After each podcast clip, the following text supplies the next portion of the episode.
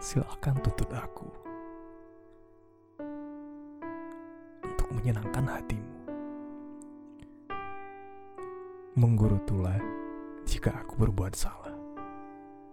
Tegurlah aku jika sedikit menyimpang di jalan kehidupan.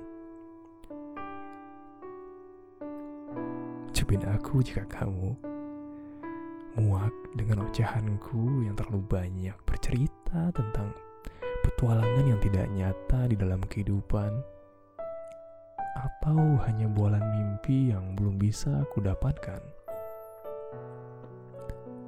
Setelah berbicara panjang tentang duniamu, menangislah meraung di pundakku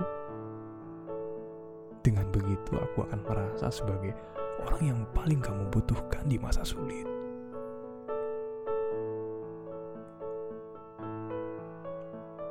Dan aku tidak akan pernah marah jika kamu berkelantungan manja di lenganku karena aku suka itu. Aku akan merasa sebagai orang yang diandalkan, terususnya untukmu.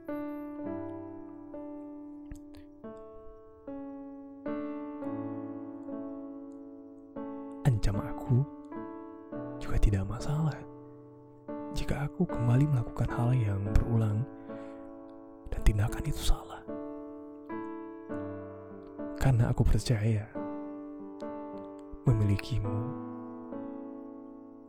memberikan hati padamu adalah salah satu jalan terbaik bagiku agar kita bisa saling bertumbuh bersama.